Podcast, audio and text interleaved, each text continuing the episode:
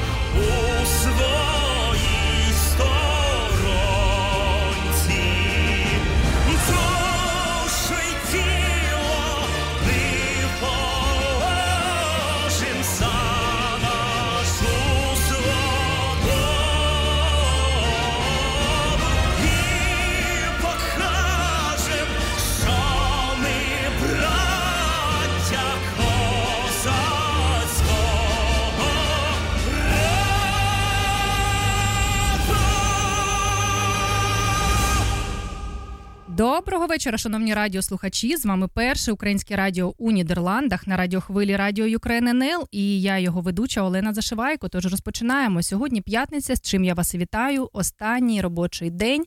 І сьогодні 380-й день війни Росії проти України. Кожного етеру ми будемо нагадувати всім про те, що війна в Україні триває. І цитуємо слова Володимира Зеленського, нашого президента. Ми ніколи не забудемо кожного і кожну, хто бореться за Україну, хто віддав за неї своє життя. І наша пам'ять це не все, що в нас є. Наша незалежність, яку ми збережемо і передамо нашим дітям й онукам, наша перемога, яка обов'язково буде, стануть найкращим ушануванням пам'яті всіх, хто загинув у цій війні. Давайте згадаємо всіх, хто поклав своє життя за свободу, незалежність та суверенітет України. Давайте вшануємо кожного українця, хто боронить нашу країну у цій війні наступною піснею. Бачив сталь, і як падає небо. Я бачив те, чого нікому не треба. Я бачив болю на десять життів. Мамо, молись за своїх синів. Віра гріє серце і палке бажання жити. Ми ступаємо в світанок новий. Завтра нас немає, але добре пам'ятаємо, що тримає на цій землі. Сонце за спиною, і брати, що хочуть жити кожен день, виборюєм шанс. Ми ж такі молоді, нам би ще по землі, а не по траншеям гулять. Я бачив сталь, і як падає небо. Я бачив те, чого нікому не треба. Я бачив болю на десять життів. Мама молись за своїх синів. Я бачив страх у очах навпроти. Я добре вивчив свого ворога профіль. Я бачив болю на десять життів. Мама молись за душі своїх синів. Молись, молись. Ми йдемо на схід і тут ніхто вже не питає, коли нас побачить сім'я. Стоїмо на смерті, захищаємо кожен метр, наша земля свята. Серце стало сталю, нас ніхто вже не впізнає, ми забули минуле життя. Вічна слава тим, хто захищає дім, і кого вже з нами нема. Я бачив сталь, і як падає небо. Я бачив те, чого нікому не треба. Я бачив болю на десять життів. Мама молись за своїх синів. Я бачив страх у очах навпроти. Я добре вивчив свого ворога профіль. Я бачив болю на десять життів. Мама молись за душі своїх синів. Молись, мама молись. Я бачив болю на десять життів. Я бачив сталь і як падає небо. Я бачив те, чого нікому не треба. Я бачив болю на десять життів. Мама молися за своїх синів. Я бачив страх у очах навпроти. Я добре вивчив свого ворога профіль. Я бачив болю на десять. за душу своїх синів.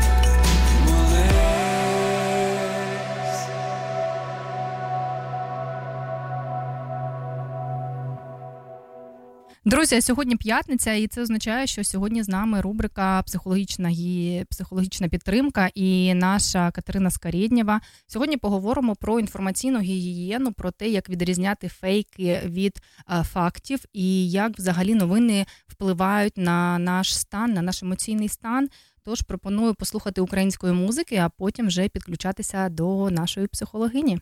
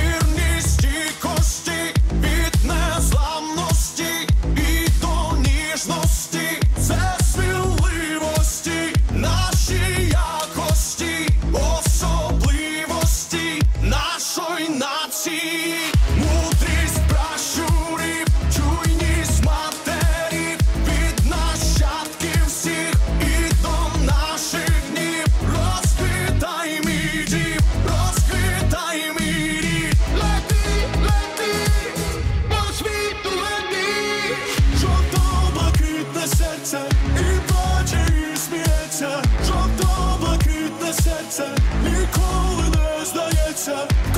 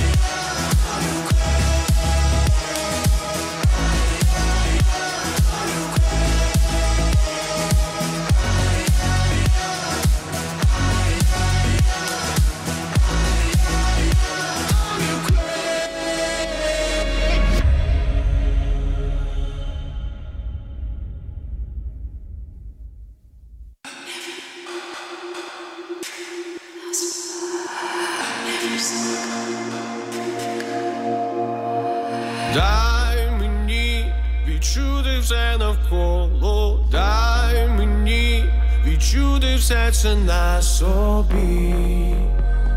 Знаю, я знаю, я знаю, що свобода робить нас щасливими, ти дай собі побути сам собою, дай собі можливість бути краще. Лети щосили вгору, світися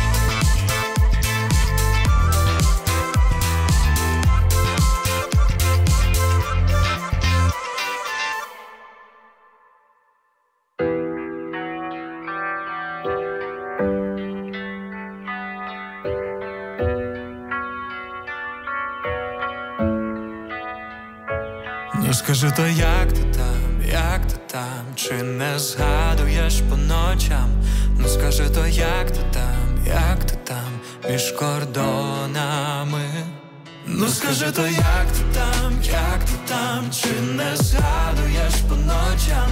Ну скажи, то як ти там, як ти там, між кордонами? усюди разом до зірок, ей, я тебе прошу, зроби крок. Усе коридорами, дорами, дорами, горами, полями до тебе й долами.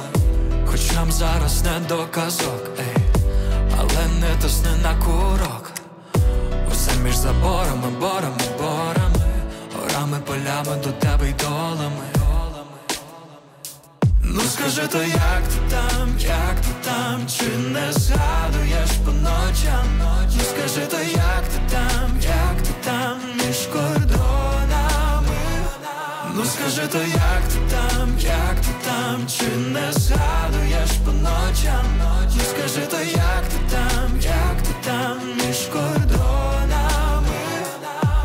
Я чекаю на тебе у своїй країні, я чекаю на тебе, не дивлячись на новини, я чекаю на тебе. Поруч кулі летять, може більше вийде мені тебе обійняти, та я вірю у тебе, я вірю в країну, та я вірю у себе. Знаю, що все можливо, і я знаю напевно, зможу все подолати, бо рідніше за тебе мені вже точно нема. Ну скажи то як ти там, як ти там, чи не згадуєш по ночам? Ну скажи то як ти там, як ти там, між кордонами? Ну скажи то як ти там, як ти там, чи не згадуєш по ночам? Ну скажи то як ти там, як ти там, між кордонами?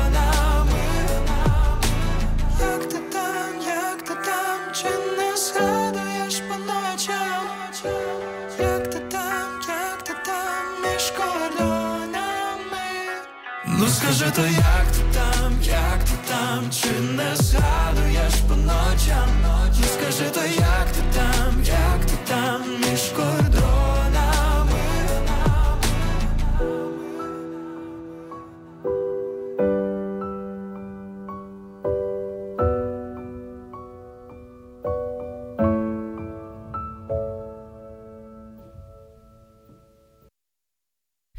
Друзі, з вами перше українське радіо у Нідерландах на радіохвилі Радіо Ukraine НЛ. І ми продовжуємо наш етер. Зараз будемо підключати е, нашу Катерину Скарєднєву і проводити е, рубрику психологічної підтримки.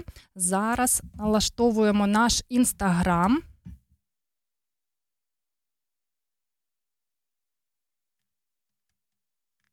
А ви ставте е, свої вподобайки, пишіть, чи чути нас, чи не чути, і пишіть, е, звісно, свої питання і е, побажання до нашої психологині. Катюш, привіт!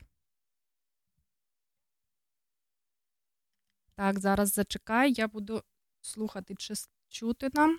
А ну кажи ще.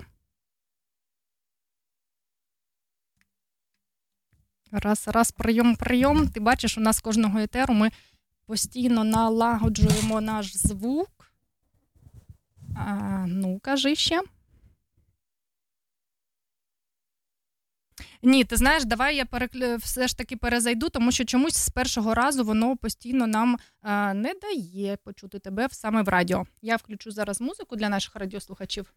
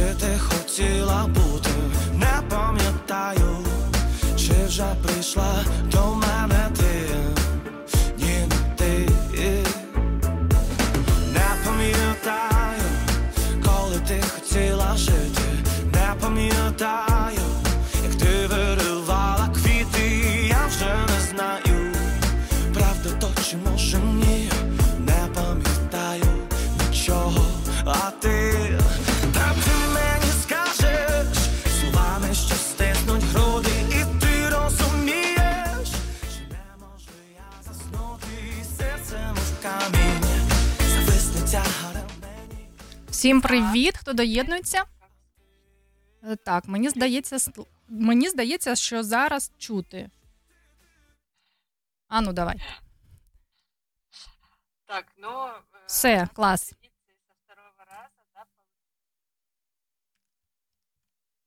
Так. А, Сегодня тема у нас а, была инфогигиена. Те правила, посмотрела. В принципе, а, общие правила инфогигиены абсолютно а, актуальны, адекватны да, по сей день. Но сегодня мне бы хотелось начать наш эфир с э, твоих личных правил инфогигиены. А, Як я е, притримуюся правил інфогігієни, так? А, Перше, Ага. це що? Я коли е, читаю новини, да, якісь, я обов'язково вибираю лише перевірені офіційні а, засоби інформації, і я не ведуся на ці голосні. А, заголовки, да, тобто, о, ви знаєте, там щось там трапилось. А коли ти заходиш е, у цей текст, то по факту там нічого корисного немає. Тобто ти одразу розумієш, що Нічого це не трапилось. нічого не трапилось. Так. І я вже навчилася відрізняти такі е, фейкові новини, тому що ти вже розумієш, коли. Дійсно е, є по факту яка, якийсь, е, якась новина, а є е, те, що тебе тобою маніпулюють для того, щоб ти зайшов на одну сторінку, а потім, якщо ти хочеш продовження, то натисни ще на цей лінк, а потім на той лінк. Ну і, і продовжуються просто е, безкінечні якісь ходи по різним сторінкам, по різним лінкам. Я цього вже не роблю, хоча раніше в мене таке траплялося. Але ж ти знаєш, е, саме головне також е, притримуватися того, щоб брати інформацію на офіційних е, інформаційних каналах і з офіційних новин, наприклад, якщо це там е, національні новини е, будь-якої країни. Можна навіть не України, а ну у Нідерландах, наприклад, да, це я знаю, що, наприклад, е, НОС це новини національні саме цієї країни. Я знаю, що там буде 100% правда. Ну там не будуть розповсюджувати фейки. То, тобто з таких каналів я можу черпати інформацію. Або вже фундація українців у Нідерландах розробили такий. Телеграм-канал інформаційний, і там а, Джамал, це також український а, хлопець. Він постійно моніторить і е, кожного дня виставляє актуальні новини. І я знаю, що цьому каналу можна довіряти, тому що він вже навіть працює на офіційний державний. Е, Портал, можна так сказати, да, на офіційну державну установу, де він е, бере цю інформацію. Мгм. Ну, и сейчас я тебя разочарую. Давай. Ну ти ж психолог, ми для цього з тобою Если виходимо ты в етери. готова, Так і звісно. если ты готова, то э, все вот эти каналы, особенно те, которые співпрацюють з державними е, якимось діячами або з державою напряму, вони теж дуже часто маніпулюють. М, Нельзя сказать, это хорошо или плохо, да? Потому что их цель как бы создать э, так штучно, да, э, какую-то такую опору, а, она будет абсолютно придуманная, она будет какая-то, ну, это типа вот гей-гей, там, а, якщо ти дзвониш по Київстару, і там хтось розмовляє, то з тої сторони тобі каже, абонент розмовляє задля перемоги. Да? Ну, це штучно э, создается вот это вот, эм, как это называется, э, фиксирующее чувство, по-моему, это называется, когда ты постоянно пребываешь в таком искусственно приподнятом настроении, и, э, в принципе, для кого-то это хорошо, для кого-то это плохо. В психологии все индивидуально, но Здесь мы на каждом эфире э, говорим о том, что нужно смотреть на свое состояние, на свои чувства, эмоции, как ты себя чувствуешь. Если, например, э, ты чувствуешь усталость, вот у нас был один эфир про выгорание, да, если ты или близко к выгоранию, или уже прям проваливаешься в это выгорание, что ты переживаешь за эти новости, э, ты включаешься в каждую ситуацию какую-то, еще что-то, еще что-то, это вот звоночек про то, что надо убрать все новости, потому что любые каналы, особенно э, во время войны, да, они будут что-то создавать, как-то прокачивать народ для того, чтобы по их мнению, по мнению тех людей, которые сейчас там работают, это какая-то польза, да, для кого? Или для государства, или для народа. Но обычно о народе думают в последнюю очередь. Обычно государство, э, какие-то организаций, да, для того, чтобы поддержать их. Сейчас все направлено на поддержку э, военных э, и э, вот эти каналы, я как раз, когда готовилась к нашему эфиру, посмотрела, какие есть, какая есть информация, да, на украинской мове, есть информация, к сожалению, забыла, как зовут, как зовут девочку, Эм, Оксана Мороз. Оксана Мороз, у нее очень много информации по поводу э, інфогігієни, як маніпулюють в Инстаграме, Фейсбуке, в соцмережах, там вот это все. Она очень доступно рассказывает. И вот э, я просмотрела какой-то из э, э, ее эфиров, не помню, с журналисткой какой-то, и вот она говорит, что, на жаль, э, боролись з олігархатом, який там тримав ці канали, да, і маніпулював на свою руку. е, То зараз ми отримали те, що у олігархату забрали і зробили державним, і держава маніпулює тепер на свою руку. Тобто відкритої, чистої інформації її практично нет. Як же нам навчитися вопрос, відрізняти е, інформацію, ту, е, котра нам потрібна, а котра нам не потрібна? І знаєш, що ще я хочу е, прямо от, е, на, на що хочу звернути увагу? У мене прям 24 лютого був спіч на мітингу в Амстердамі, у центрі Амстердаму. Українці збиралися на підтримку України, і в мене був спіч саме тому, що я працюю на радіо. е, Звернення до українців саме про інформаційну гігієну і про те, що зараз а, Росія вона розуміє, вона не то, що зараз, вони вже влітку зрозуміли, що вони не можуть виграти Україну на полі бою.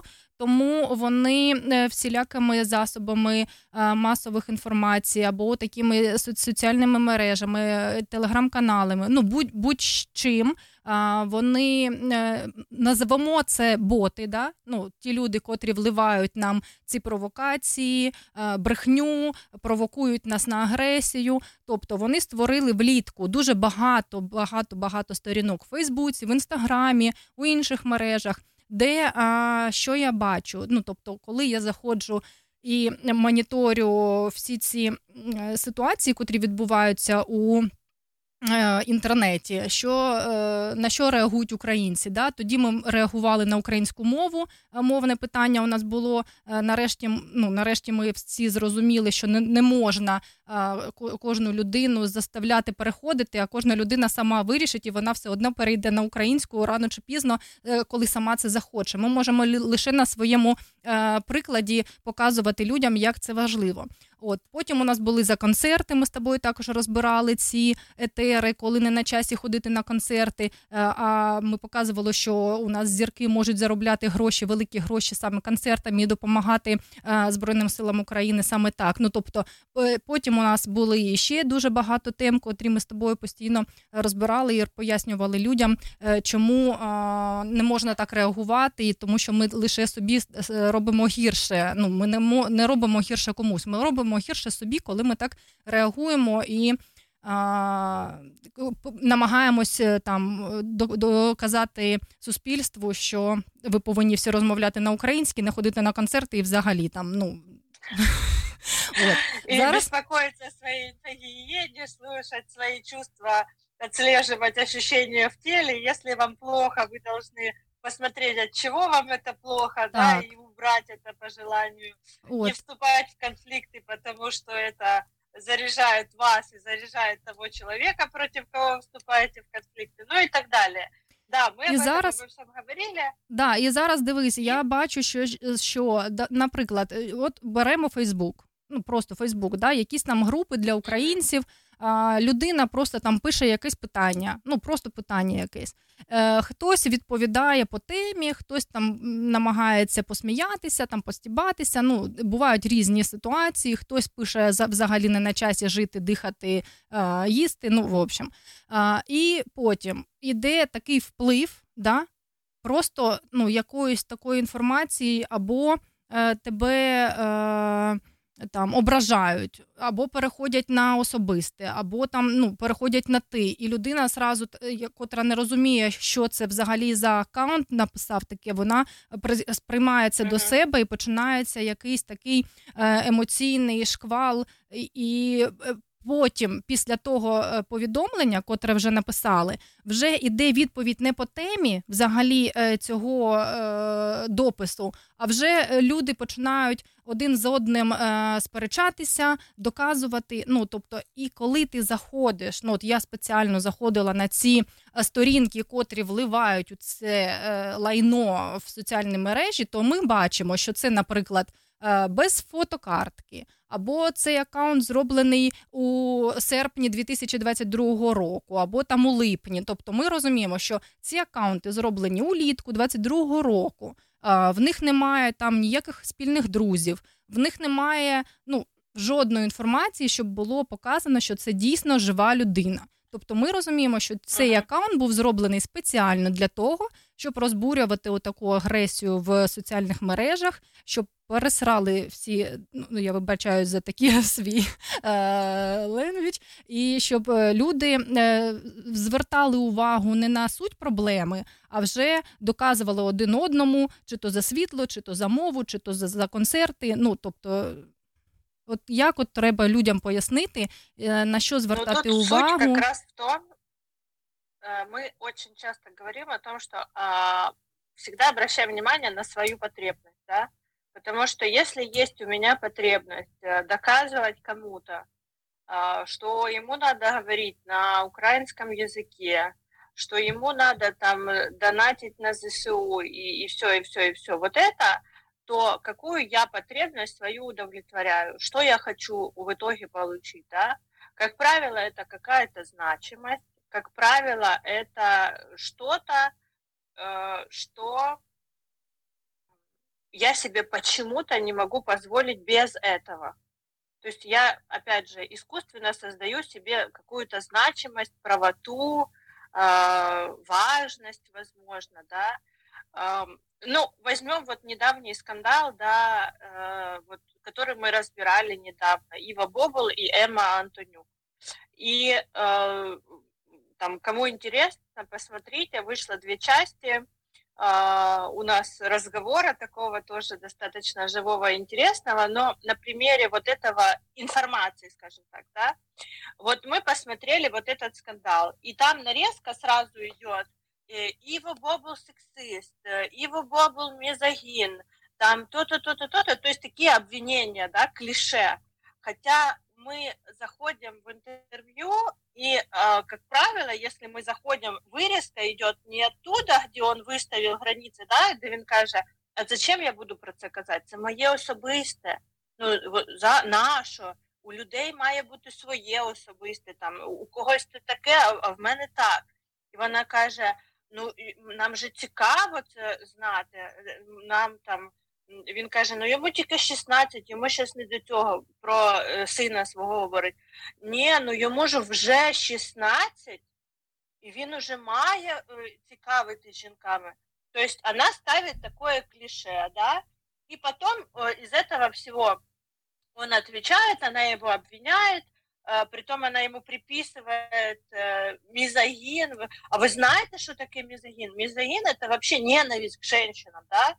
То есть, если бы он сказал, что все женщины твари, их надо убить, и только когда убить всех женщин, мы вот все тут заживем хорошо, вот это мизогин. Ну, я утрирую, да? Mm-hmm. Но если он сказал, что то, что я вижу зараз, то есть он сказал зараз, сейчас, что женщины стали більш меркантильнее, ну, и это уже раздулось такую какую-то проблему. При том, что, ну, поскольку это ну, условно говоря, моя тема, да, я психолог, и это такое социальное явление, когда раздувается с какой-то темы, э, на клишированной такой темы, туда вот эти все э, сексизм, мизогин, еще что-то впрыскивается, человек до конца не понимает, что это такое, даже сам его Бобл каже, щось таке образливе, я не знаю, що це таке, це щось таке образливе. И у нас, у каждого, у нас даже в законе, я полезла в закон, в законе нет определения. То есть мы можем манипулировать вот этим всем как угодно. И Эмма Антонюк я не знаю, сознательно или бессознательно, она сманипулировала для того, чтобы получить э, ну, известность да, себе, то есть хайпануть так. И у нее получилось. Э, Что дальше? Что вот мы, как люди, имеем из этого? Э, Кто-то включился, что «А, да, это вообще дискриминация по признаку пола, т.т.т. Хотя, по сути, вот мы с тобой даже коснулись немножко этой темы в разговоре, но вот в садике, когда дети там дерутся, да, мальчику говорят, не обижай девочку. Хотя, по сути, ну, типа, нельзя бить девочек, да? Ну, не, нельзя бить девочек, нельзя бить детей, нельзя драться. А у нас девочек нельзя обижать, а мальчики, типа, могут и подраться, да? Ну, подразумевается. Хотя, по сути, это уже сексизм, это дискриминация. Ну, тут уже дискриминация мальчиков, потому что нельзя бить детей, нельзя драться. Ну тобто, дивись, У нас е, в да, е, ну.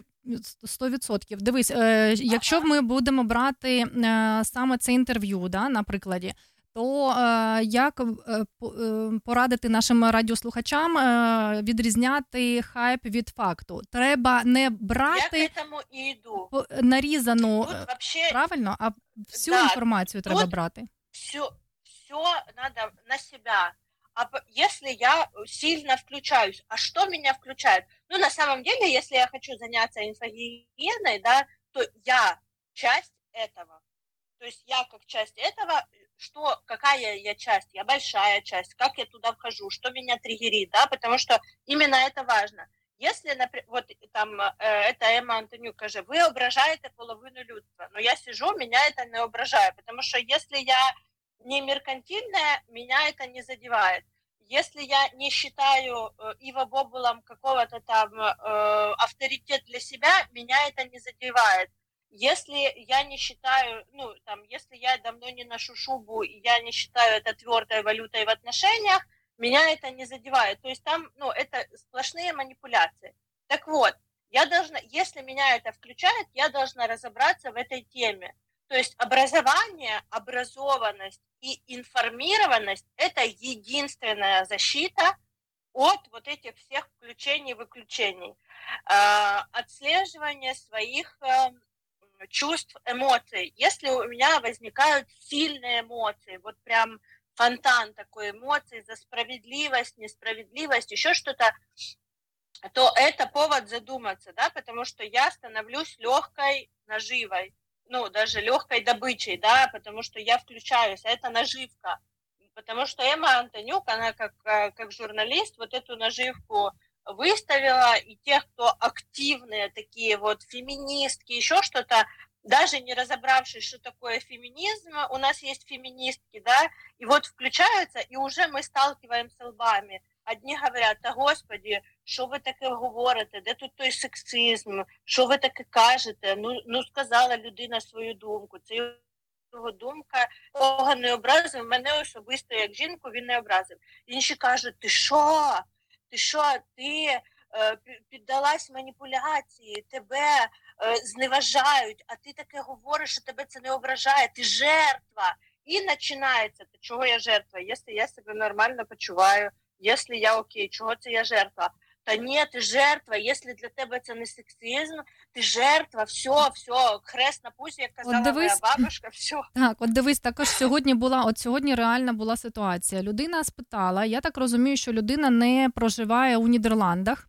Це був чоловік. Да, напевно, людина а, хоче дізнатися інформацію, як взагалі відбувається а, тимчасовий прихисток у Нідерландах. Він запитав а, у Фейсбуці а, тему. Типу, чи е, вклеюють стікер е, зараз в Нідерландах? Ну дають таку можливість. Тільки він написав слово не вклеюють. Ну а як людина там собі в обіході каже це слово? Там ну я, я вже не пам'ятаю. Ну не в радіоетері ми будемо казати, але ж е, всі зрозуміли, що людина намагалася спитати на українській мові. До, до речі, звернувся поважно. Ну просто само це слово вклеюють. Він написав по-своєму. Спочатку полилися коментарі, що, типу, там тільки тобі в обличчя можуть вклеїти, або там є ще щось, е, стікери. Вліпити, да, він написав? Вліпити, да, ну щось типу вліпити, да, ну ти розумієш. І замість того, щоб людині дати якусь актуальну інформацію, у нас пішов просто срач в коментарях. І е, людина, котра от хотіла отримати якусь допомогу, вона від своїх же отримала отакого ну стуса, можна сказати.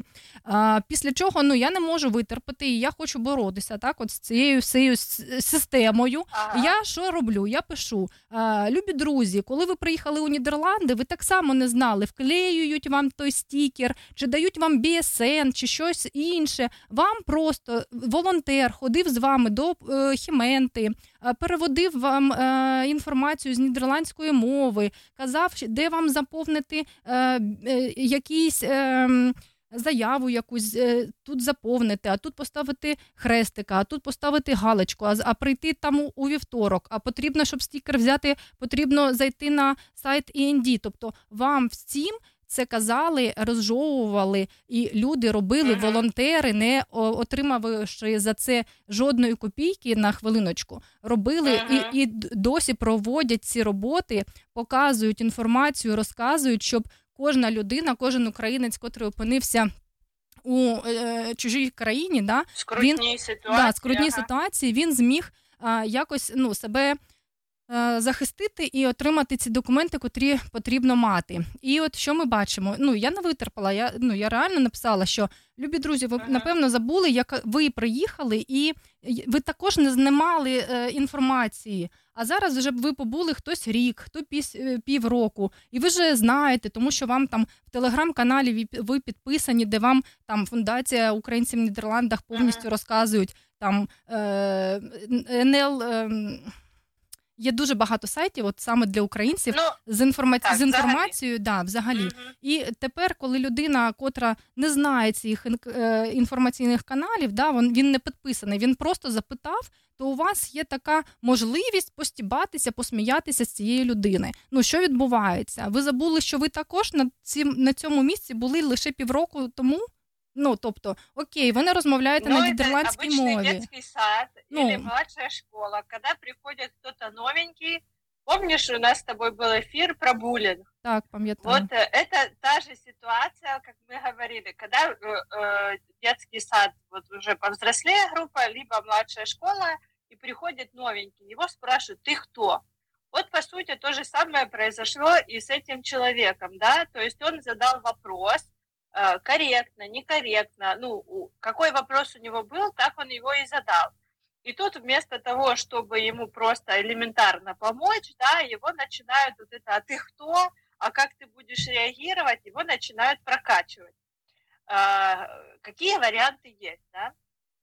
Человек может обидеться, и здесь реально вот то, что мы с тобой уже несколько раз так косвенно задевали, это то, что у нас после войны будет вот это противостояние, да, тех, кто уехал, тех, кто остался. И мы сейчас видим уже зачатки вот этого противостояния даже за границей, когда человек только приезжает, а те, кто уже более-менее адаптировался, свою агрессию э, считает возможным слить на него, да.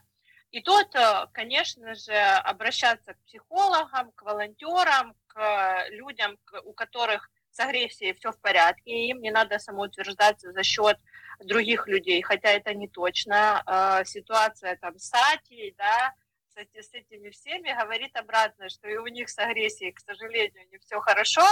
И сейчас в обществе вот этот накал действительно есть. Что делать? Этот вопрос э, интересует всех нас, и это мы э, всегда говорим о том, что делать. Делать это, во-первых, информационная гигиена. Что заставляет людей вот это держать гнев, прокачивать и потом сливать на первого человека, который, в принципе, уязвим. Телевизор, новости, вот эти все каналы. Если я сама по себе раздражена не по- без видимой причины, первое, что надо сделать, отказаться от телевизора, отказаться от новостей, отказаться от этого всего хотя бы на неделю. То есть сделать вот такую паузу, информационную гигиену. Это как мы, знаете, когда заболел человек, и один из способов – это голодание. Вот э, там 36 часов есть голодание, когда ты вот выводишь все это из организма, очищаешься и перезапускаешь метаболизм. Вот, пожалуйста, голодание только информационное. Э, э, Потом, после вот этого голодания, мы обращаем внимание, а что, что нас раздражает. Нас раздражает наш ребенок, наш муж или соседи, или мне, я сама себя раздражаю, что раздражает. И тогда уже разбираемся, а, э, откуда эта агрессия, потому что раздражение – это агрессия, которая вот подавлена, в какой-то степени она подавлена. Вот. И разбираемся там. Если не получается самостоятельно, идем к специалисту. Как самостоятельно пробовать с этим разобраться? Во-первых, выписать на листочке, а что там у меня э, вот в ситуации какие, да, что меня раздражает в ребенке, в муже, в себе, что меня раздражает, да, и посмотреть, а почему? Если выйти из позиции вот этого человека, который всех должен воспитывать, и войти в позицию человека, который всех э, как бы должен любить, да, потому что это сама- самые родные мои люди, тогда если я в любви стою, ну вот как мы говорили уже, да, я становлюсь в любовь, там листочек пишу, или я из любви смотрю, как то назначается, что меняется в теле. Если меняется, значит самостоятельно можно. Если не меняется, идти к специалисту. Э, Можно делать нейрографику, можно участвовать в различных э, э, играх, господи, как это называется? Я сама их делаю, забыла сейчас э, название.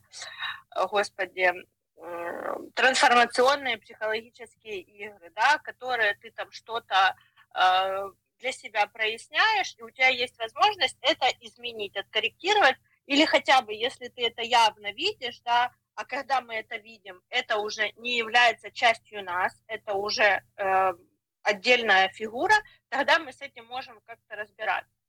Дальше. Э, логика, как бы это ни странно звучало, берем, открываем учебник или просто логику в интернете и смотрим четыре закона логики и описание их. Вот это самое первое, что мы должны сделать, потому что вот эти четыре закона логики, это прям свято, мы про это забываем, и мы пропадаем туда с головой в эти все маніпуляції общественные і все остальное. От, угу. до речі, я хочу сказати про логіку. Якщо ви бачите дуже таку е, круту е, статтю, да, е, назва Тебе прям захоплює туди зайти. Ти заходиш, а по факту е, читаєш текст, а там немає логіки. Ну то, тобто, це е, з- одразу 100% фейк, тому що не по суті тебе туди заманили, а потім ще перейди на лінк, е, продовження там. Ну, в общем, на таке просто не Ну, потрібно это- вестися. э, может быть такая манипуляция, потому что вот это все, что вода не по сути противоречия между собой, оно заводит в такие лабиринты, где в тексте скрытый какой-то ключ, который воспринимается э, как, э, ну то есть не, как сказать, не фильтруется нашей системой безопасности, а проходит в нас без фильтров. То есть мы это почему-то принимаем, на свой, э, на веру, да, как религию, без э, фильтров. И э, это опасно, потому что когда у нас нету э, нужных знаний, нужных умений и нужной информации, чтобы этому противостоять, вот эти все перечитывания новостей без, э, без разбора, да, они, ну, прям реальную угрозу несут. Потому что э, любая информация со скрытым смыслом, она, а если человек не подготовлен, оно как раз опасно. Опасно, и реально мы вовлекаемся в какие-то схемы, э, с- интриги, скандалы, расследования, и где мы не можем себя контролировать.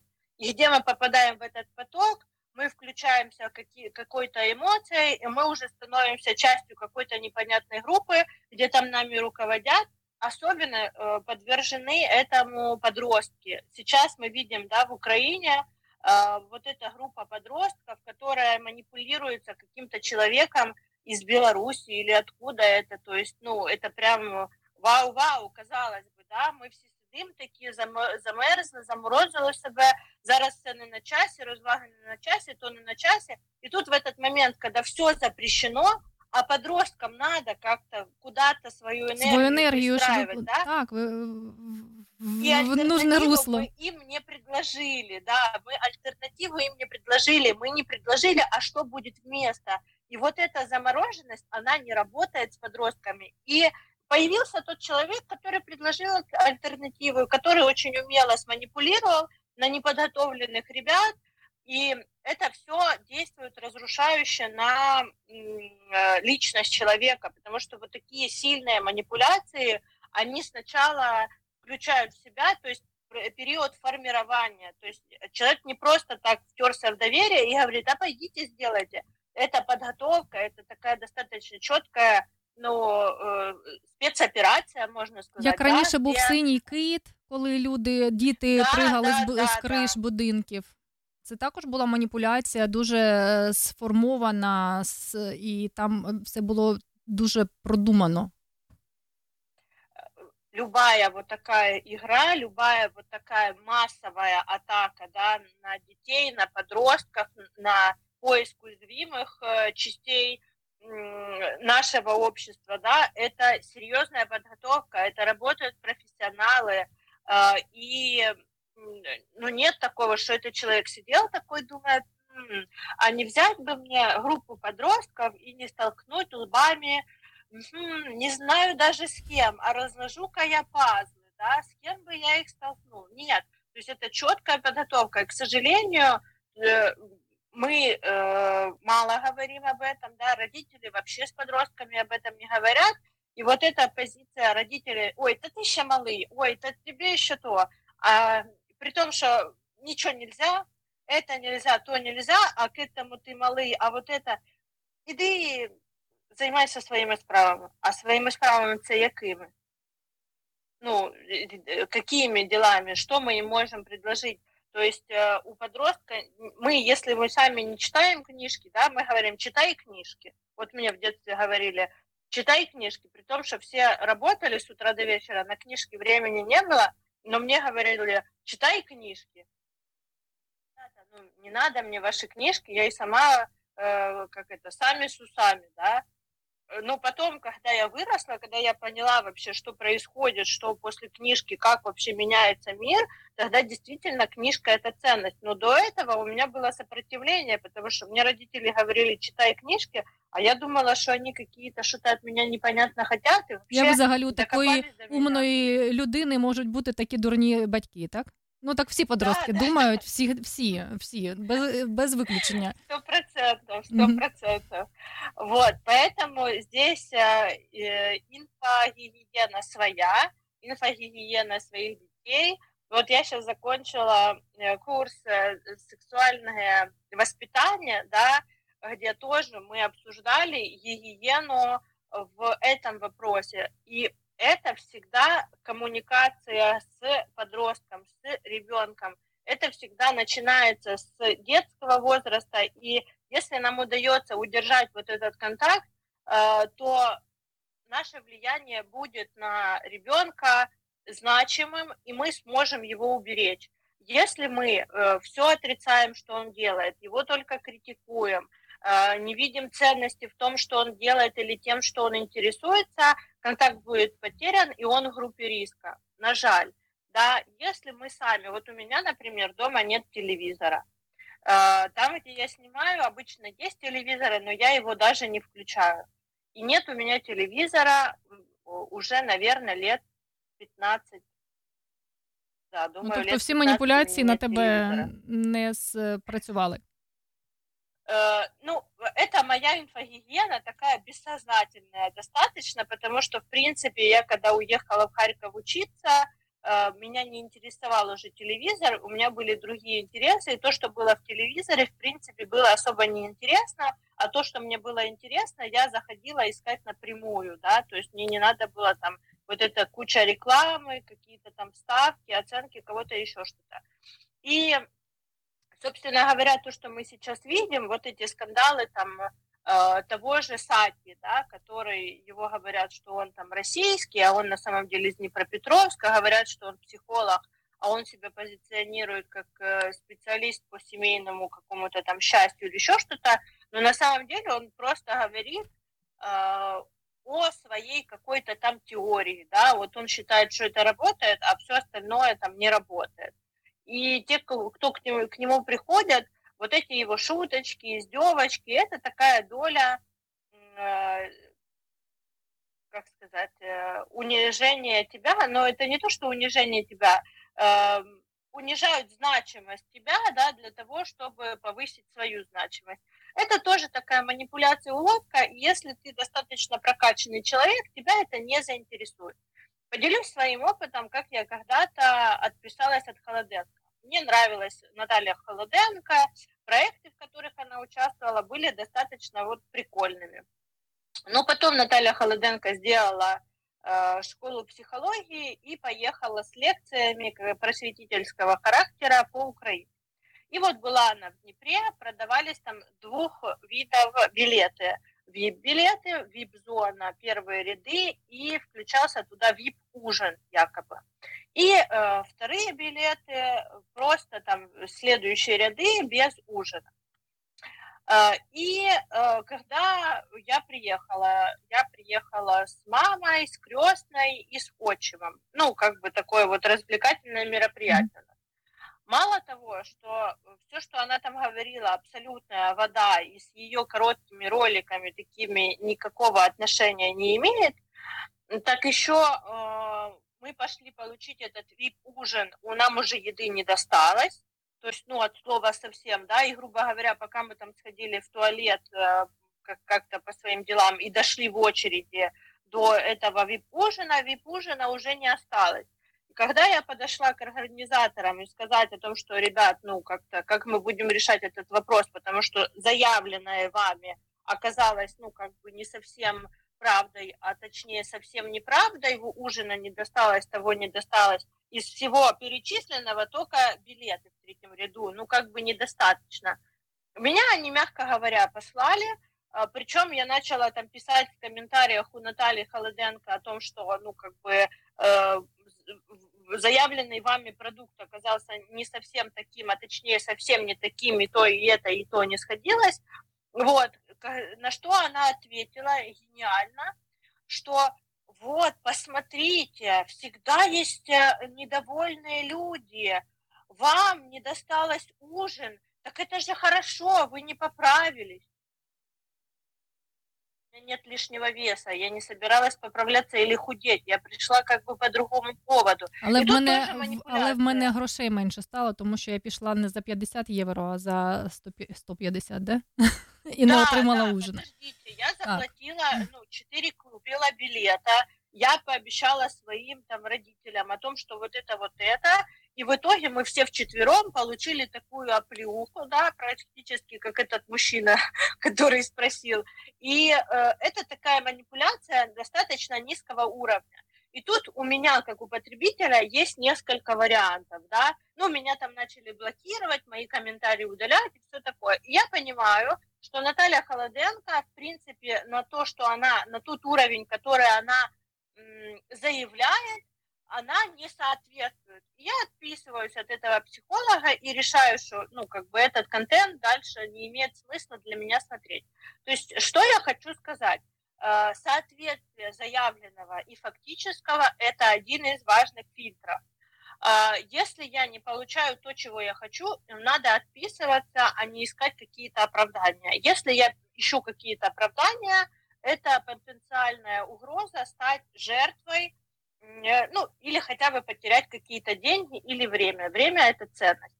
А, Потом, э, что еще? Э, Оставаться в контакте со своими детьми, интересоваться ними. Если э, я обесцениваю своего ребенка, и я, и мой ребенок в группе риска, это тоже относится к инфогигиене, потому что э, вот эта информация, которую потребляет мой ребенок, я могу узнать только будучи в контакте со своим ребенком. Если я с ним не в контакте, если я пытаюсь контролировать, еще что-то, это не работает. Как бы я ни пыталась контролировать мужа, ребенка, если я себя не могу проконтролировать до конца, ну о чем говорить о других людях, да? Только находясь в контакте с этими людьми, мы можем как-то на что-то влиять, да? Мы будем значимой единицей этого контакта. Если я не в контакте, если я критикующая жена, предъявляющая претензии или критикующая мама, контролирующий еще что-то, это все не сработает, и, э, скорее всего, просто нужно пойти к специалисту и научиться быть в контакте. Вот и все. Поэтому информация, образованность, раскрыть о том, что э, логика, пожалуйста, читаем четыре закона, да, разбираемся, как, как работают манипуляции. И э, ну, я бы порекомендовала не смотреть вообще никакие новости, потому что нам, нам они ничего не дают, кроме как вот этого раздрая. Если, конечно же, я журналист, и мне надо что-то читать, то обязательно мне нужно читать только то, что мне надо. Да? Вот я сегодня готовилась к нашему эфиру, я читала только то, что мне надо по теме. И я смотрю э, сначала там три минуты спикер с того, чего он начинает. Если у него только вода, вода, вода, я перематываю через 15 минут, а у него еще вода, вода, вода, я убираю, ищу дальше источники и э, смотрю, что там вода, э, человек начинает сразу с, ну, с, реальной информации или не сразу с реальной информацией. Э, напомню о том, что ваши вопросы, ваши комментарии, ваши лайки и ваша обратная связь нам очень помогут и готовиться к следующим эфирам, и быть более эффективными, э, давая нужную именно вам информацию и давать э, ну, такую коммуникацию правильную, скажем так, да, э, условно правильную коммуникацию, потому что всегда, как я уже сказала, только ВКонтакте мы можем быть наиболее эффективными. И ваша с нами связь – это тот самый контакт, который поможет нам быть более эффективными. Я на сегодня заканчиваю. Спасибо тебе, Лена, за очередной эфир и за такую возможность, э, э, которую ты дала всем нашим слушателям, да, чтобы они имели э, такой э, определенный хаб, да, где можно и психологическую информацию взять, и получить какие-то билеты, и э, подчерпнуть, возможно, какую-то информацию с развлечениями, как можно переключиться, потому что очень многие люди сталкиваются с тем, что вот они были замороженными, и теперь им надо как-то размораживаться, как-то все-таки себе позволять. К сожалению, без специалиста это сделать крайне сложно, но здесь та точка, где все-таки это возможно. Поэтому спасибо тебе. Е, Дякую, Катюш, тобі за експертність. Дякую за е, корисну інформацію. І ще хочу додати для наших радіослухачів, що. е, Якщо ви е, не хочете продовжувати якийсь такий е, негативний діалог, то самий класний такий метод це просто перевести на жарт або е, відправити якогось смайла, котрий посміхається. В мене це завжди працює, і кожний, е, хто був так дуже негативно настроєний після е, вашого доброго е, побажання гарного дня або гарного вечора з смайліком, котрий по- посміхається, ще й підмігує, то взагалі буде зовсім інший настрой. Зустрінемось з тобою вже на рубриці Кава з психологом і також у радіоетері наступної п'ятниці. Дякую, Катюш, тобі за експертність, за Да. знання. Все, всем И- спасибо.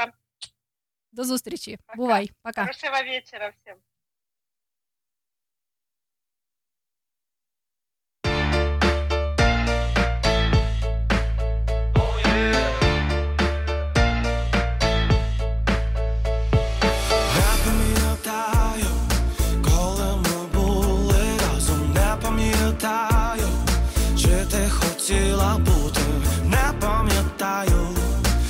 Вже прийшла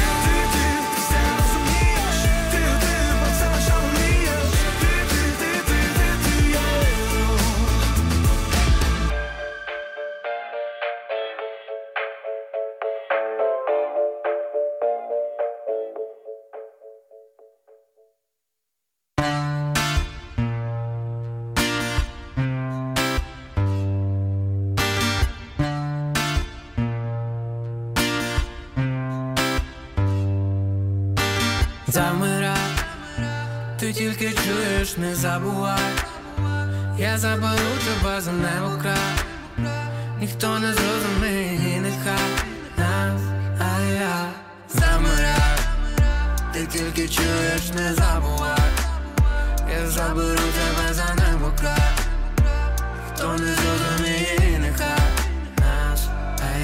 світла фар, ніби довід іскр, палаги місто і дійсно Даними кабелями намистою. Кисти, де ваги часто, бо ваги тісно То виліземо на дахи, де бували ми з тобою. Замутити фото там класне Миті, коли сонце пад гасне. Тримаю тебе, ніби кисапер, тобі замер, буде там, де нам впасти.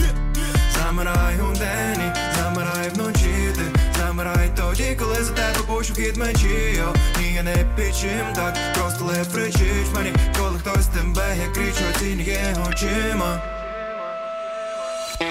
Замирай, ти тільки чуєш, не забувай, я заберу тебе за небо край, ніхто не зрозуміє, нехай нас, а я поглядами грізними, посмішками ніжними, говори, як між це і є мій рай, бути такими різними, з нервами залізними, як не розумієш, просто відчувай.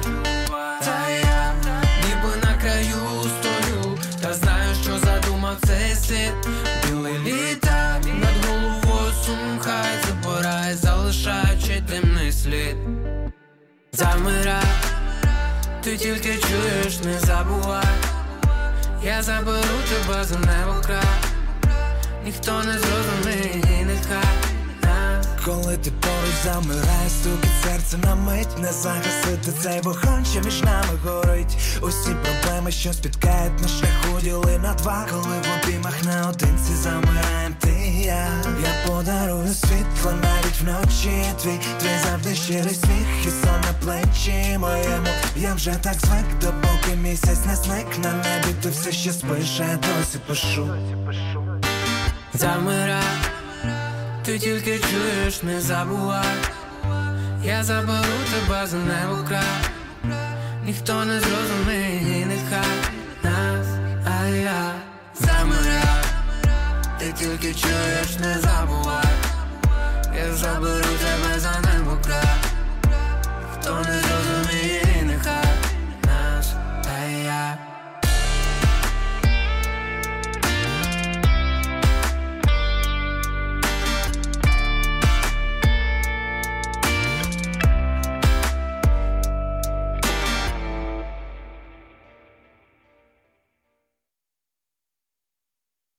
Я дожену останнього вагона, коли вона мене чекає вдома, я дотянусь останнього балкона, коли вона мене чекає вдома, я дожену останнього вагона, коли вона мене чекає вдома, я дотянусь останнього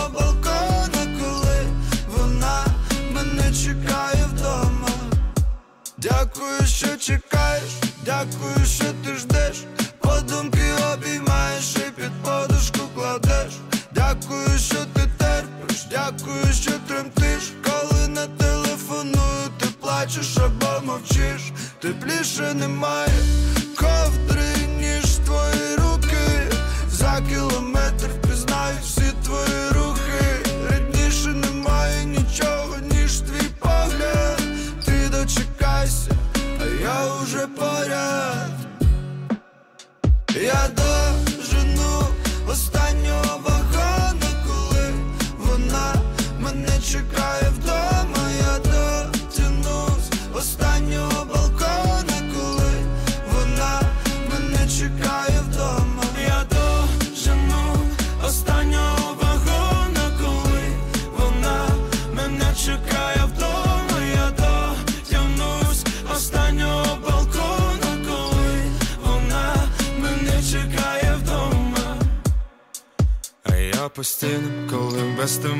тебе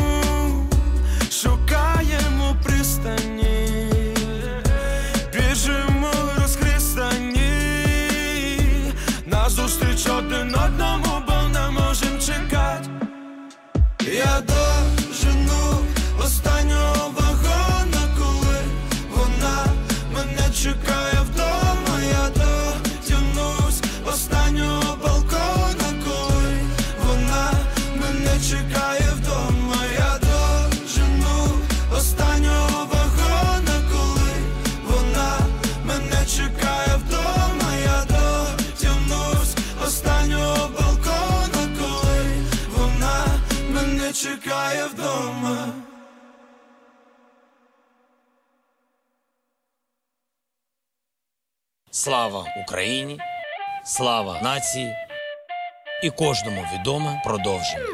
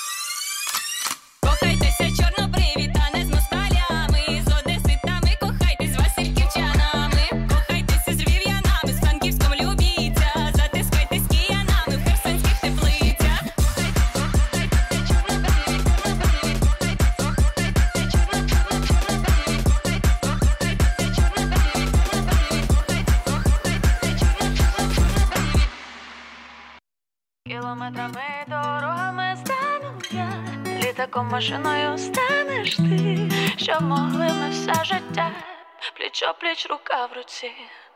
Тебе, як оберемо китів собі, замість повітря, тебе не відпустити собі, назавжди залишити тобі, співати не спинно, пісні і кохати не стримно. Ти вже й так давно показав мені, що таке любов. Кілометрами дорогами стану я, літаком машиною станеш ти, щоб могли ми все життя, пліч пліч рука в руці. Кілометрами дорогами стану я, літаком машиною станеш ти, щоб могли ми все життя, пліч пліч рука в руці. Скільки доріг ти пройшов без мене, скільки машин зустрічала я в житті, дуже багато моментів, але істина одна. Це ти та я, ти та я, це ти та я, ти та я, це ти та я, ти та я, це моя істина. Кілометрами дорогами стану я, літаком машиною станеш ти, щоб могли ми все життя, пліч пліч рука в руці. Кілометрами дорогами стану я, літаком машиною станеш ти, що могли ми все життя, пліч пліч рука в руці.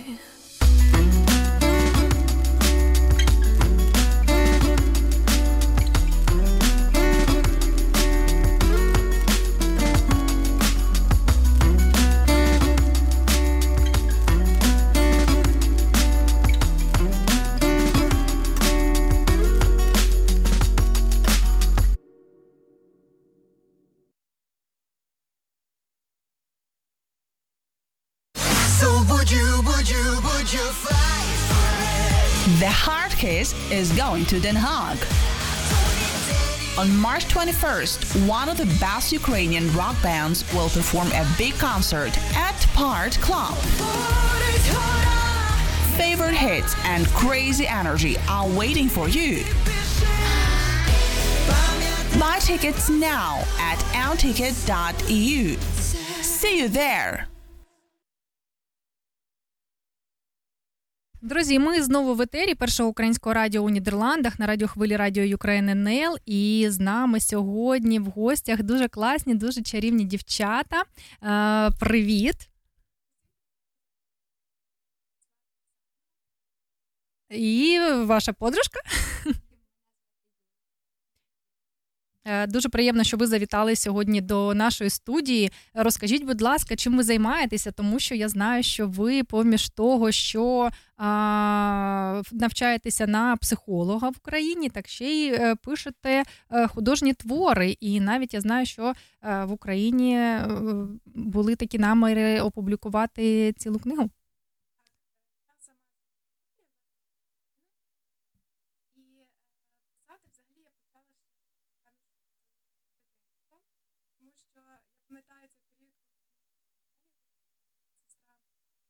разом зі мною праця, я така, ну, діставала, як це мої діти діставали, ти мені зайнятися, ну, ну скажи мені, будь ласка.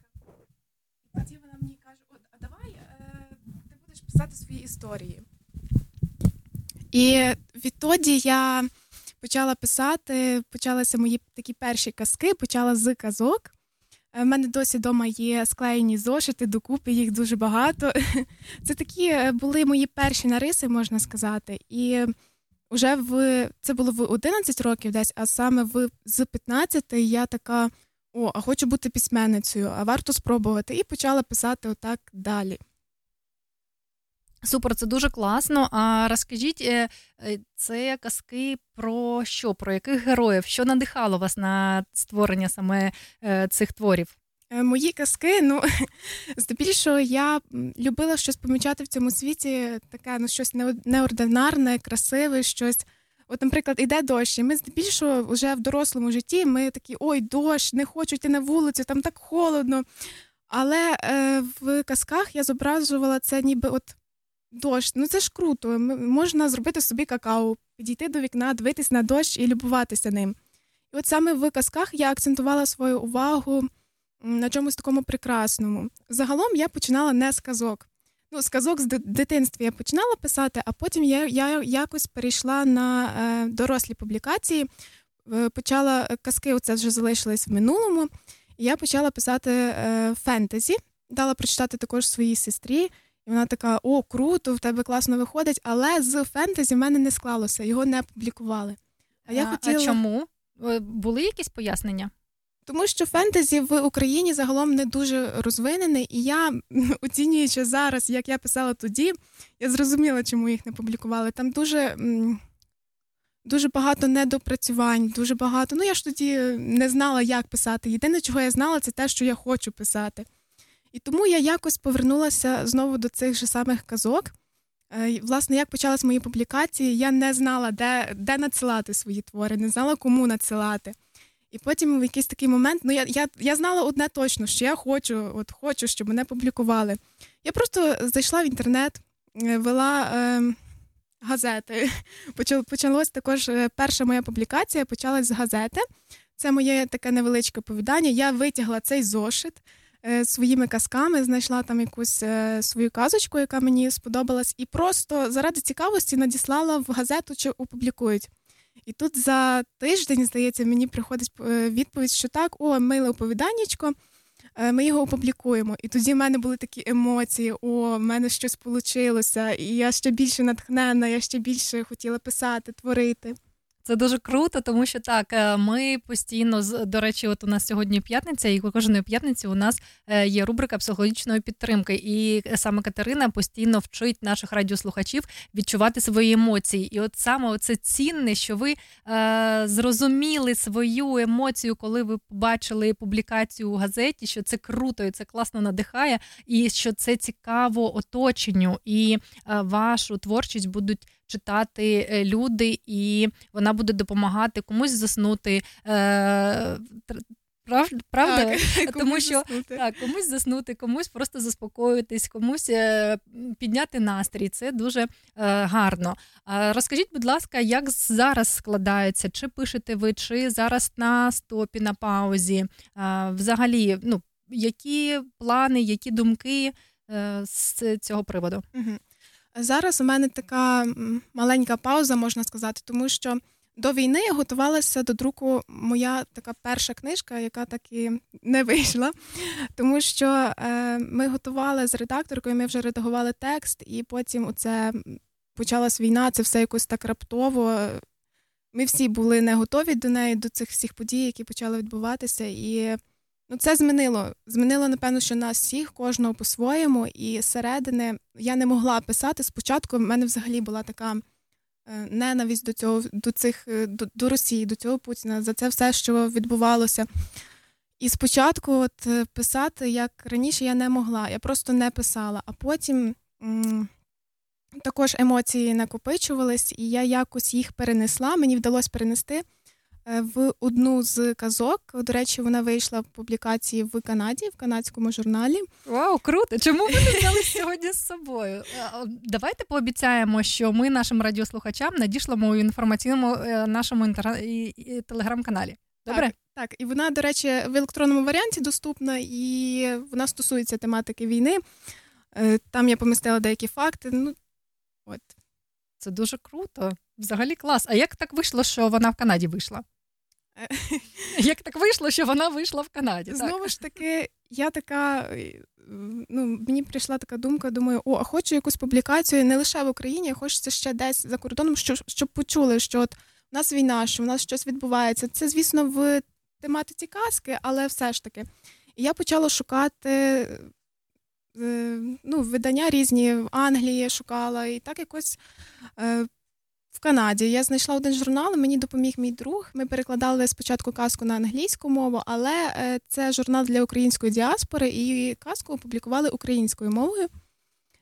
І от я їм надіслала, вони відповіли, що так, з радістю публікують, і потім вийшла оця моя публікація. Поки що, ну це напевно, що єдина публікація. Поки що я повер- повернулася помаленьку до книжки і знову працюю над нею. Супер, класно, така гарна у вас історія. А розкажіть, будь ласка, чи зверталися ви е, до фундації у Нідерландах? Ні. Чому? Ви ж тут проживаєте? Це дуже цікаво. Обов'язково після цього етеру е, треба звернутися до фундації, треба звернутися до е, газет і е, запропонувати саме вашу творчість. І з, за допомогою, можливо, нашого радіо також поширимо цю інформацію, тому що е, взагалі у нас така місія зараз у українців транслювати українську культуру, українські пісні, українську музику, українські вірші, творчість, показувати наскільки українці талановиті. І дійсно, якщо у вас є е, такі твори, казки, котрі цікаві і публікуються у інших країнах. То це обов'язково треба робити. А ми з свого боку посприяємо, щоб це дійсно сталося. І дякую. А як взагалі було рішення піти навчатися на психолога? Піти навчатися на психолога. Чому не філолог? Чому саме психолог? Я думала журналістика, тому що так як я люблю писати, я думала це якось пов'язати з, ну, з журналістикою. Це було б доречно, але якось сталося так, що я запізнилася на здачу творчого конкурсу, а на журналістику потрібно ще, окрім е, ну там ще здавати творчий конкурс. Я запізнилась на нього. І окрім журналістики, я також подавала документи ще в різні заклади на психолога. Ну і думаю, так як випадковості не випадкові, напевно, що я і мала піти на психолога, тому що психологія вона відкрила дуже багато, дала багато відповідей на мої питання. Вона підштовхнула мене вперед, і загалом психологію також дуже можна поєднувати в тому самому написанні цих самих казок, творів. І можна багато сказати про письменника, про автора, який пише ці твори завдяки психології. І я не шкодую, що я пішла на психолога. В майбутньому я би дуже хотіла якось поєднати навіть це психологію, авторство, і ну, це цікаво. Ну так, дійсно, це цікаво. І тепер же ви е, після того, як навчалися на психолога, розумієте, які у вас були помилки стосовно ваших аніме, так, творів е, у минулому. Я думаю, що це також дало вам повштовх на роздуми. Так, це дуже дало поштовх, тому що от аналізуючи свої попередні якісь перші твори, я розумію, що і навіть видавець, от в якого ми готуємо книжку, він мені каже, що моя найбільша була помилка, це помилка, напевно, що всіх авторів, які починають писати, це те, що вони пишуть про себе. Ну, хочуть вони цього чи не хочуть, вони спочатку все одно проскакують якісь думки. Герої думають як автор, який пише, а герої вони взагалі мають відрізнятися. Там теж свої нюанси, вони мають бути живими. А я спочатку я писала більше про себе, про свої якісь думки, свої обіди. Це все транслювала в свої твори. А потім я вже коли зрозуміла, що ага, я так роблю, це мої помилки, це дійсно так. Я почала відокремлювати себе і своїх героїв, от щоб вони жили своїм окремим життям, щоб вони в них були свої характери щоб вони ну відрізнялися від мене і не думали всі однаково, так як я. У нас була зустріч, презентація книги у місті Денхах Ірини Карпи. Тільки нікому про це не кажи. Називається ця книга. І от вона у нас е, була зустріч, спілкування, комунікація. І вона сказала: Ви знаєте, ніколи не ображайте е, ту людину, котра пише твори. Тому що вона може взяти вас як за героя своєї книги і висвітлити в таких цікавих якихось там подробицях. І я так засми... замислювалася, думаю, хм, це точно, це ж так може бути. Коли будуть люди читати книгу, вони будуть розуміти, про кого ця е, хто цей герой, і взагалі краще дружити з такими людьми. От з вами сьогодні прийшла подруга. Це ілюстратор Ю... Юлія Василишин. І розкажіть, будь ласка, чи є у вас плани стосовно ілюстрації саме в книгі в книзі подруги? Чи є у вас якісь плани на сумісну працю? Так, на що з моєї подруги, я взагалі дуже вдячна їй за постійну підтримку, тому що це важливо, коли ти пишеш, важливо, щоб і ти в себе вірила, і щоб хтось в тебе вірив. І насчет е, наших спільних планів, так е, ми хотіли і хочемо в майбутньому, щоб я видала свою книжку, а вона стала ілюстраторкою. Але знову ж таки, тут не все так просто, тому що, от якщо, до прикладу, готується моя книжка в видавництві, Юлія не може стати ілюстраторкою, тому що в них вже є свої ілюстратори. Нам е, потрібно щось придумати своє, і думаю, щось написати окреме, щоб вона намалювала, е, проілюструвала і тоді вже надсилати у видавництво як готовий матеріал. Але так, ми хотіли, що ми з тобою хотіли, Юль, давай розкажи. Ну, ми хотіли створити е, оповідання. Ну, і я би вже е, зробила якусь ілюстрацію до того, і разом ми би так опублікувалися, скажімо так. Ну, дуже класні плани. Це взагалі надихає, тому що е, життя продовжується і наше майбутнє взагалі залежить від е, діточок, від дітей. Взагалі, е, це наш це наше все майбутнє. А казки ви пишете для кого? Саме для дітей і е, пояснюєте сьогодення у такій формі. І дякую вам за вашу творчість. Дякую за те, що ви це робите. Дякую за те, що ви транслюєте. Українське у Європі, тому що це важливо. Ми благаємо кожного разу розказувати про Україну, транслювати свою культуру, е, надихати і розповідати нідерландцям, європейцям взагалі наскільки у нас е, чудова країна. І ви саме це робите. Ви можна сказати, е, робите свою роботу на інформаційному фронті, на культурному фронті і продовжуєте дівчата це робити. Дякую вам щиро і пропоную послухати української музики. Так, так, звичайно.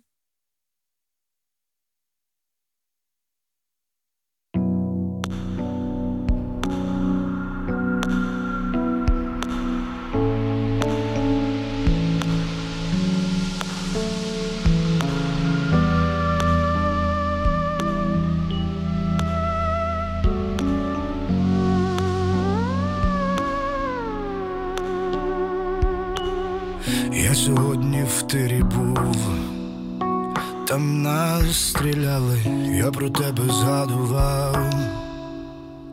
Моя ляле, так захотілось молока, з теплим хлібом трохи ще болить рука, але терпимо, ніби я сьогодні в полі був, там нас блукали, захотілося мені. Щоб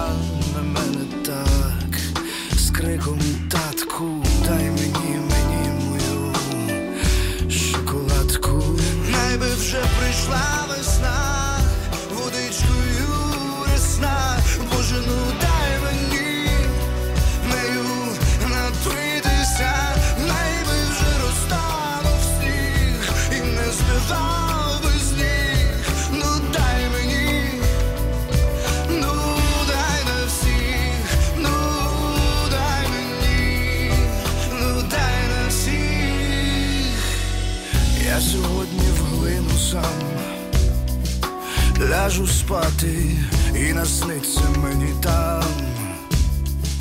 Моя мати, я її так обійму, сильно і ніжно, я колись любив зиму, а тепер занадто сніжно, а тепер занадто все, всього є забагато, і подумав ось мені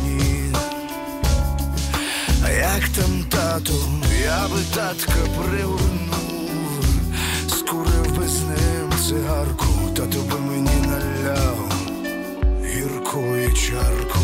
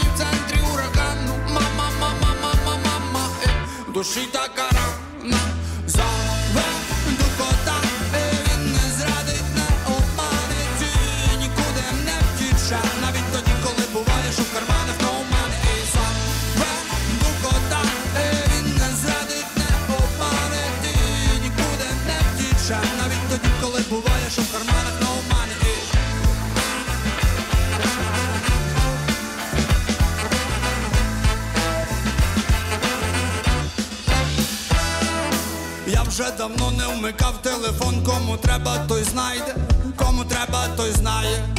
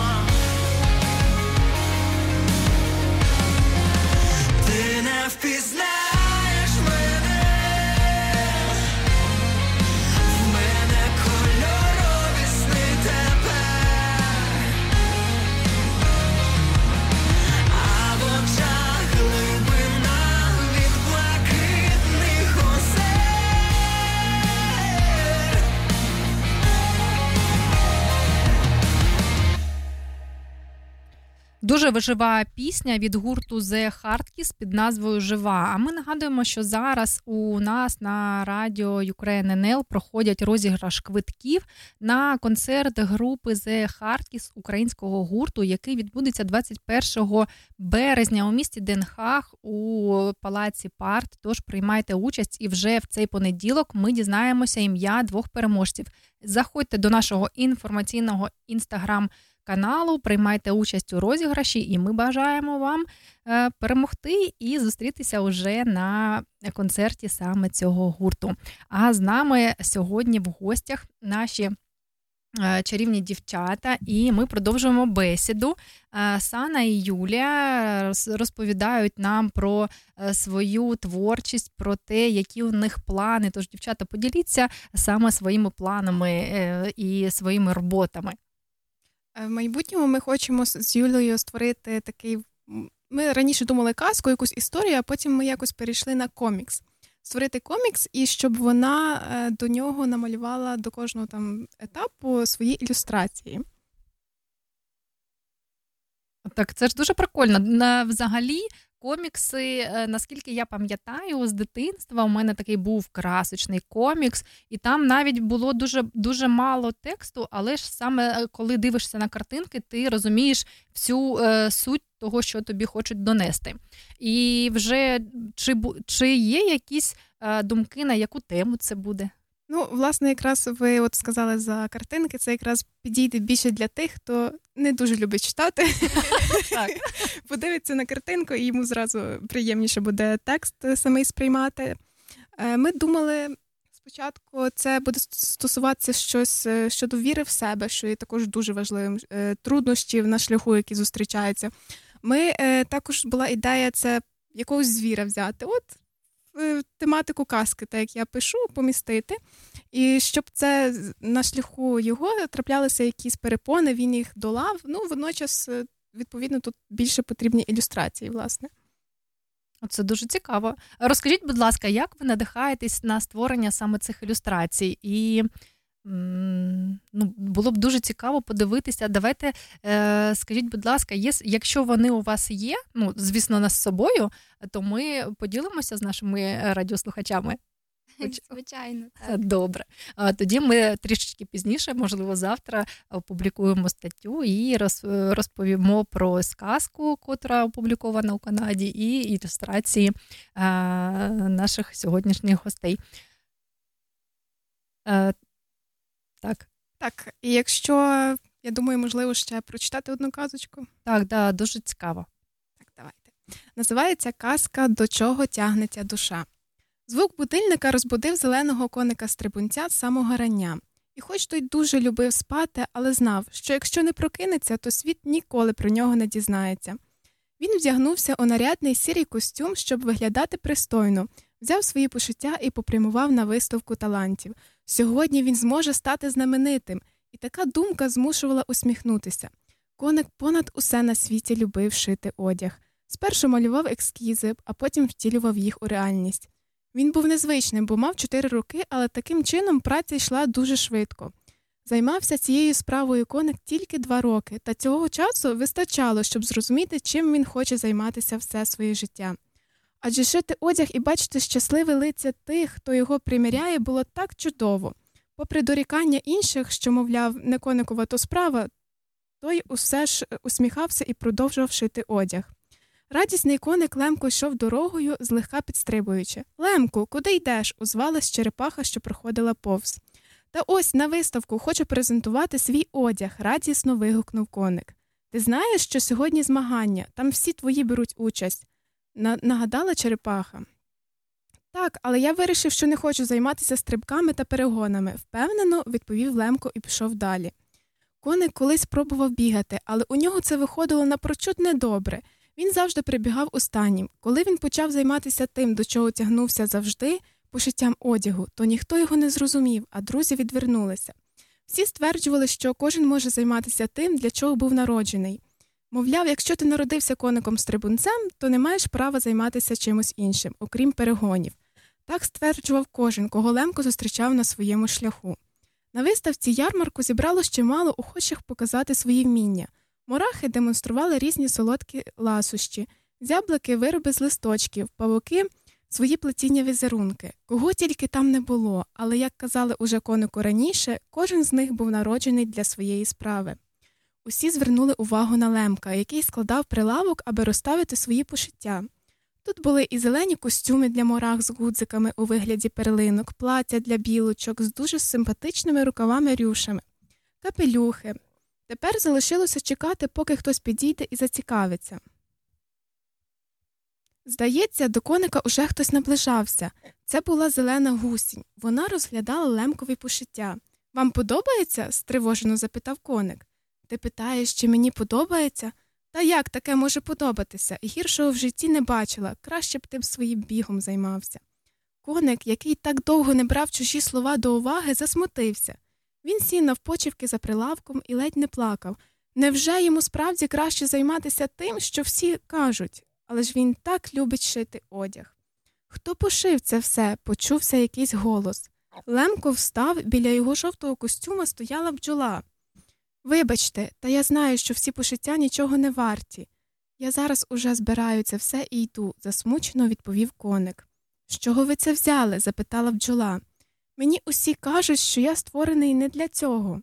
Неважливо, що кажуть інші, потрібно займатися тим, до чого тягнеться душа. Якщо вам скажуть, що ви створені для чогось іншого, то не слухайте їх. Голосу всередині вас краще знати, ким вам бути, а ким не бути. Я хочу замовити у вас декілька костюмів, вони чудові, нічого кращого ніколи не бачила. Справді, захопленням вигукнув Лемко. Звісно, я ніколи не брешу, усміхнулася бджола. Згодом, щоб подивитися на коникові пошиття, утворилася ціла черга охочих. Усі захоплювалися його талантом, і кожен тепер походжав у красивому одязі. Усі, хто раніше сміявся з нього, тепер уже захоплювалися, брали приклад і почали займатися тим, до чого тягнеться душа. Боже, яке гарне, яка гарна сказка, а головне, яка в ній мораль. Так, власне, тут я якраз і хотіла зобразити, що завжди важливо вірити в себе, ніколи не здаватися і займатися тим, от до чого тягнеться душа. Ви знаєте, і зараз під час війни дуже багато чого змінилося в українцях. І я зустрічала багато людей за цей рік. Так, звісно, почалася війна, і дуже важко все це переживати, але у дуже багатьох людей в цей рік чомусь здійснилися мрії, мрії дитинства. У нас є Тетяна, вона також е, працює у нас на радіо, і вона, коли ми коли познайомилися, вона каже: Олена, ти не повіриш, я завжди мріяла працювати на радіо, але вона ректор у Харківському університеті. Ви уявляєте, наскільки серйозна людина, і вона мріяла все життя працювати. Каже, і тут вже я не сподівалася навіть на те, що в мене це вийде. І через війну, через те, що вона потрапила в іншу країну, вона здійснила свою мрію дитинства. І таких прикладів дуже багато. І от саме ваша сказка, вона про те, що незважаючи на те, що кажуть оточення, йдіть до своєї мрії, і обов'язково ви отримуєте гарний результат, якщо будете вірити в себе, в свої сили і захоплюватися своєю працею. Дуже класна казка. Дякую. Ви от сказали, що в більшості людей мрії здійснилися. Я також так думаю, напевно, що тому що війна е, знову ж таки дала зрозуміти, що ми завжди думали, часу достатньо, часу багато, але насправді його дуже мало. І коли стосується наших мрій, його ще менше, тому що е, я навіть сама собі задавала питання, а скільки часу я виділяла для своєї мрії, для того, чого я хочу насправді. І от війна вона змусила кожного з нас задуматись про своє життя, переоцінити все і щось змінити. Так, це так і є 100%. І кожного разу, коли ми спілкуємося з гостями, ми просимо побажати нашим радіослухачам якісь свої емоції, думки. Тож дайте побажання всім українцям, хто нас слухає, а може й не українцям. Я хочу побажати в першу чергу віри в себе, в те, що все буде добре. Ну, це зрозуміло, що перемога за нами в майбутньому. Україна обов'язково переможе. І хочу сказати, що навіть якщо єдиною людиною, яка буде вірити в вас, залишиться ну, ви самі, не здавайтеся. Якщо відчуваєте, що до чого до цього тягнеться ваша душа, що це ваше, ідіть до кінця, і ви обов'язково досягнете успіху. Дуже гарне побажання. У мене аж мурахи пішли по шкірі. Дякую. Е, Дякую всім, е, хто сьогодні слухає нас. Дякую нашим гостям, що приїхали до нашої студії. Я дуже рада знайомству з вами. Ви чарівні. Просто реально ви надихаєте. І я дякую за вашу творчість, тому що це дійсно важливо. Важливо показувати українське, поширювати українське. І продовжуйте це робити. Створіть е, свою книжку, створіть комікси, е, робіть ілюстрації. Це дуже класно і круто. І таким чином ви е, втілюєте у майбутнє всі свої думки, і вас зможуть е, слухати і розуміти, е, як того кони, е, коника да, зрозуміла бджола. Тож продовжуйте це дуже надихає. Дякую вам за вашу творчість. І обов'язково ми з вами зустрінемося і будемо робити нові проекти. Дякую А, вам. Так, а я пропоную послухати вже української музики і будемо прощатися, тому що час етеру дуже швидко е, минає, і я бажаю всім гарних вихідних. Вірте в себе, продовжуйте йти до своїх мрій, і все здійсниться. Слава Україні, героям слава! І ми обов'язково переможемо.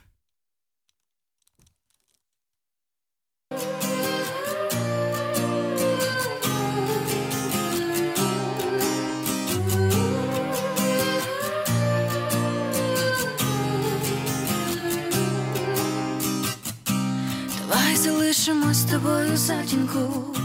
Давай забудемо, як звати нас. Якщо випускати альбом, то тільки платину. Якщо кохати кожною клітиночкою атомом. А ти мі мі мі мі мі мі мі мі тільки твій голос лунає, наче з. Так чисто відверто і до мурашок. Ти фарисон назавжди, бо лише з тобою падаю ти із неба вода,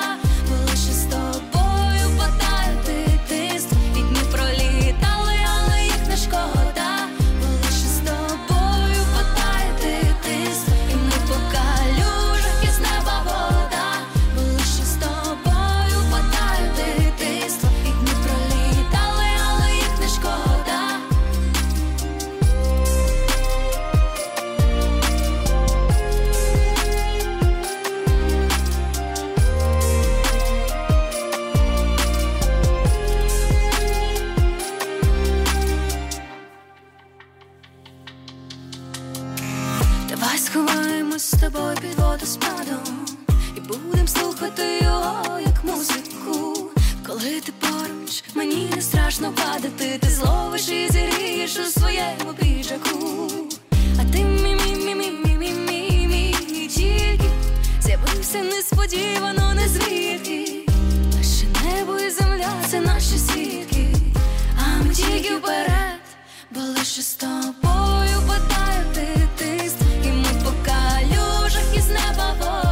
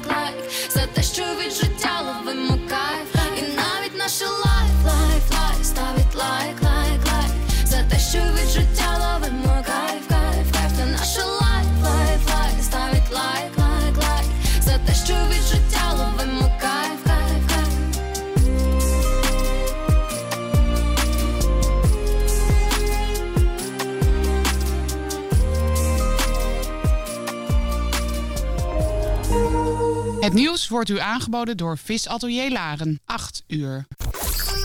Dorpsradio Laren, nieuws en weer. Dit is Ewald van Liemt met het radionieuws op dorpsradio.nl. In een apotheek in het centrum van de Zuid-Duitse stad Karlsruhe houdt een nog onbekende persoon mogelijk verschillende mensen gegijzeld. Hij zou volgens de Duitse media een miljoenenbedrag aan losgeld hebben geëist. De politie is massaal aanwezig in Karlsruhe en heeft de wijde omgeving inmiddels afgesloten. Er is ook alvast noodopvang geregeld voor het geval er mensen door die afsluiting niet naar huis kunnen gaan. De 27-jarige Sherwin Way, die in juni ontsnapte uit de pompenkliniek in Nijmegen en onlangs in Spanje werd opgepakt, zit weer in Nederland vast. De Spaanse justitie heeft hem op het vliegtuig gezet en overgedragen aan de dienst justitiële inrichtingen. In juni vorig jaar ontsnapte W samen met een andere TBS'er die al na een week weer werd opgepakt. Sherbin W. vluchtte naar Spanje, waar hij acht maanden uit handen van justitie wist te blijven. Hij zat in de pompenkliniek voor een gewapende overval waarbij een dode viel. De overheid gaat niet stoppen met het bewaren van gegevens van alle vliegtuigpassagiers zoals de autoriteit persoonsgegevens wil, maar doet dat nu nog maar drie jaar in plaats van vijf. Justitieminister Jessel Gus zegt dat die termijn wordt verlengd als in die drie jaar blijkt dat een persoon mogelijk betrokken was bij een zware misdaad of terrorisme. Volgens de autoriteit persoonsgegevens verzamelt de overheid ook informatie van heel veel mensen die niet bij de groep horen waarvoor de database eigenlijk bedoeld is. En in Rotterdam is een man overleden nadat hij van vier verdiepingen hoog naar beneden was gevallen. Hij was bezig met het plaatsen van zonnepanelen op het dak van een wooncomplex. De Nederlandse arbeidsinspectie onderzoekt de zaak. Het aantal ongelukken met ernstig letsel of de dood bij de installatie van zonnepanelen neemt toe. Dat komt volgens de inspectie doordat installateurs vaak geen stijgers gebruiken en zich niet zekeren. Ook is er niet altijd beveiliging op de dakrand waar ze bezig zijn. Het weer, het regen- en natte sneeuwgebied trekt naar het oosten weg. De matige, aan zee mogelijk krachtige wind draait naar het noordwesten. Komende nacht vriest het 1 tot 5 graden. Morgen krijgen we regelmatig zon bij een graad of 6. Tot zover het radionieuws op dorpsradio.nl. Dit is Dorpsradio Laren.